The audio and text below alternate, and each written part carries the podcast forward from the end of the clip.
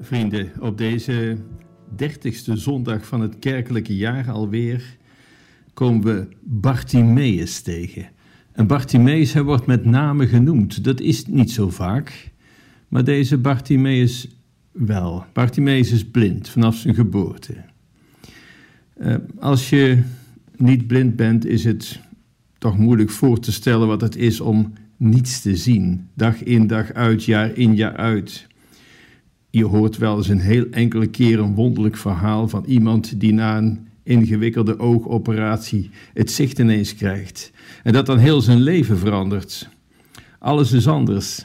Zelfs zoiets simpels als het drinken van een kopje koffie. Ze doen dat voorlopig liever met de ogen dicht, want anders knoeien ze maar. Wonderlijk hoe zoiets werkt. Bartimeus, de blinde uit het evangelie, hij moet zoiets ervaren hebben.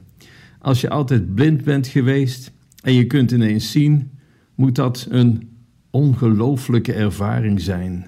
Want ja, zien, wat is dat? Je kunt tasten, maar je kunt je er geen voorstelling bij maken. Bij elk wonderverhaal, we weten het, hè, dat heeft ook een geestelijke betekenis. Het heeft niet alleen betekenis voor Bartimaeus in die tijd en voor mensen die in tijd die zagen dat Jezus wonderen kon verrichten. Het heeft ook altijd een geestelijke betekenis voor u, voor mij, voor mensen van alle tijden. Er zijn heel wat mensen die een geestelijke ervaring hebben en die in die zin ineens het licht zien. Hoewel er niks mankeerde aan hun ogen, gaan ze ineens anders leven. Ze zijn herboren. Ineens zag ik het licht en zie ik alles anders. U, u kent de uitdrukking wel. Ze hebben Christus ontmoet, ze hebben Hem ervaren en toegelaten in hun leven.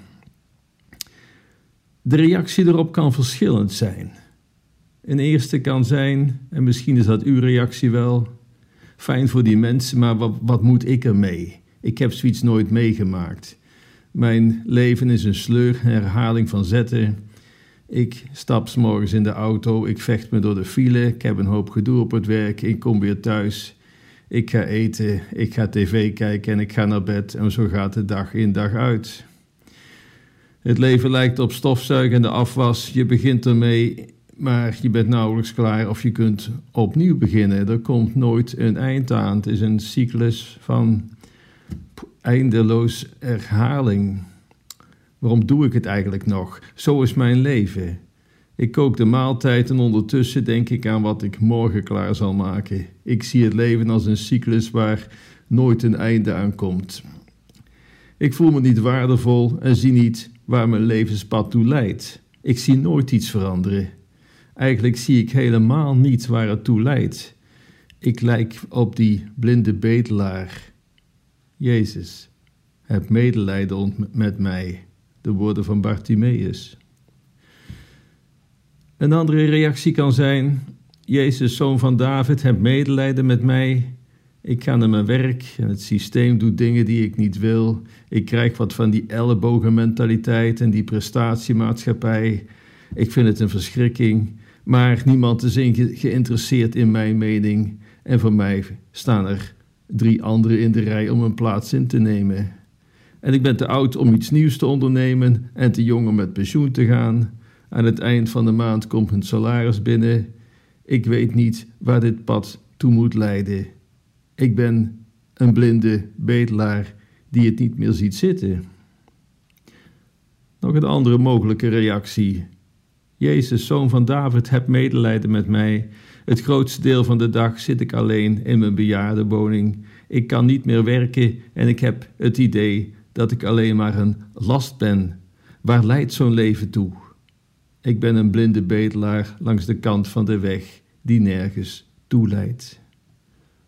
Of tenslotte nog een laatste voorbeeld. Jezus, zoon van David, heb medelijden met mij. Ons huwelijk valt uit elkaar. We hebben elkaar weinig meer te zeggen en de kinderen hebben ons niet meer nodig. Ik zie geen oplossing aan het eind van de weg. Ik ben als die blinde bedelaar, zoals Bartimeus, die het letterlijk niet meer zag zitten. Marcus, de evangelist Marcus, die dit stukje evangelie over het voorval met de blinde Bartimaeus voor ons heeft opgeschreven, wil meer dan alleen maar dit voorval optekenen. Hij wil ons laten zien dat Jezus niet alleen Bartimaeus de ogen geopend heeft, maar dat diezelfde Jezus ook voor ons nieuw perspectief te bieden heeft, een nieuw zicht. Als je kijkt naar dit stukje evangelie, wat zien we? Bartimaeus. Hij roept luid en duidelijk. Hij roept naar Jezus. Heer, heb medelijden met mij. Oftewel, Heer, ontferm u over mij. Het zijn de woorden die we elke mis bidden, hè? Kyrie eleison, Heer, ontferm u over mij. Het begint blijkbaar met gebed. Wil Jezus iets voor ons kunnen betekenen? Begin met gebed. En misschien mag ik vragen, wanneer was de laatste keer dat u gebeden hebt? Ik bedoel echt gebeden. Niet alleen in de mis, wat uiteraard goed is, of thuis voor en na het eten, wat uiteraard goed is. Maar ik bedoel eigenlijk echt gebed, het uitstorten van uw hart. Roep zoals Bartimaeus, want die riep luid en duidelijk. Dat is het eerste, het begint met gebed. Het tweede, wat zien we dat Bartimaeus wat hem overkomt? Hem wordt het zwijgen opgelegd. Man, wees toch stil. De omstanders snauwden dat hij moet zwijgen. Dat vinden ze maar zo lastig, zo'n schreeuwlelijk. Maar Bartimaeus, hij laat zich niet van de wijs brengen. Hij roept gewoon nog harder. Hoe is het met onze tijd? We worden misschien niet letterlijk het zwijgen opgelegd, maar we horen het wel steeds vaker. Dat geloof, doe dat thuis, doe dat achter de voordeur en val anderen er niet mee lastig. Geloof is niet meer van deze tijd. Je kunt beter naar een psycholoog gaan of wat dan ook. Of omstanders die zeggen: bidden helpt toch niet, hou maar op met verspillen van je tijd.